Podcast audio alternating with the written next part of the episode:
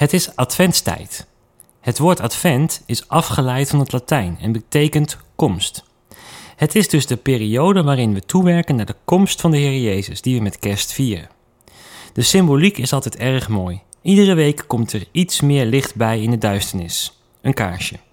En aan deze kant van de aarde is die symboliek nog sterker, omdat het buiten nog steeds langer donker wordt, maar er wel iedere week een kaars bij komt. Op die manier symboliseren we de kern van het evangelie. Er komt licht in de duisternis. Het makkelijke van Advent in ons kerkelijk jaar is dat we weten dat er na vier zondagen vanzelf het licht in alle volheid verschijnt. Los van het kerkelijk jaar zou je ook kunnen zeggen dat we leven in de tijd van het dagelijks Advent. Ik wel tenminste. Ik verlang soms ook onbewust dagelijks naar de komst van Jezus. Niet zozeer dat ik elke dag bewust verlang naar zijn wederkomst, wat ik misschien wel wat meer zou moeten doen.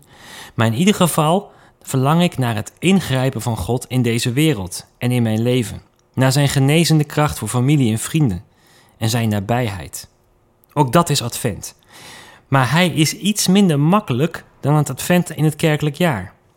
We weten namelijk niet automatisch dat na vier weken het feest ook komt. Dat kan ons best onzeker maken. Wat doe je in die tijd dat je Jezus verwacht, maar hij er nog niet is? Is dat altijd een tijd van vieren? Voor veel mensen niet.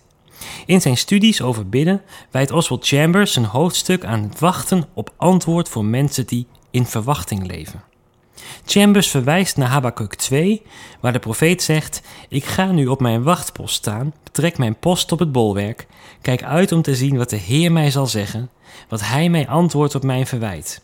Ik vind het een hele mooie gedachte om mee te nemen in het kerkelijk advent, maar ook in het dagelijkse persoonlijke advent. Laten we op onze wachtpost gaan staan. Wat zou die wachtpost kunnen zijn? Een paar gedachten. Traditioneel is een wachtpost een plek met goed uitzicht.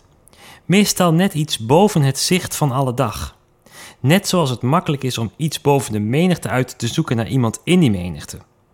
Als je op de gelijke hoogte blijft, zul je moeite hebben om te zoeken wat je vindt. Een wachtpost is ook een plek waar allerlei afleiding beperkt is. Je moet je immers kunnen concentreren op wat je ziet.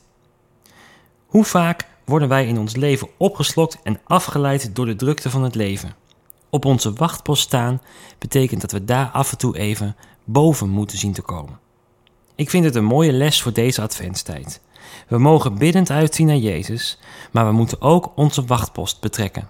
We kunnen niet zomaar doorgaan in de vaart van alle dag. Laten we een plek vinden waar we boven de waan van alle dag kunnen uitzien naar het antwoord van God, ook als dat langer duurt dan vier weken.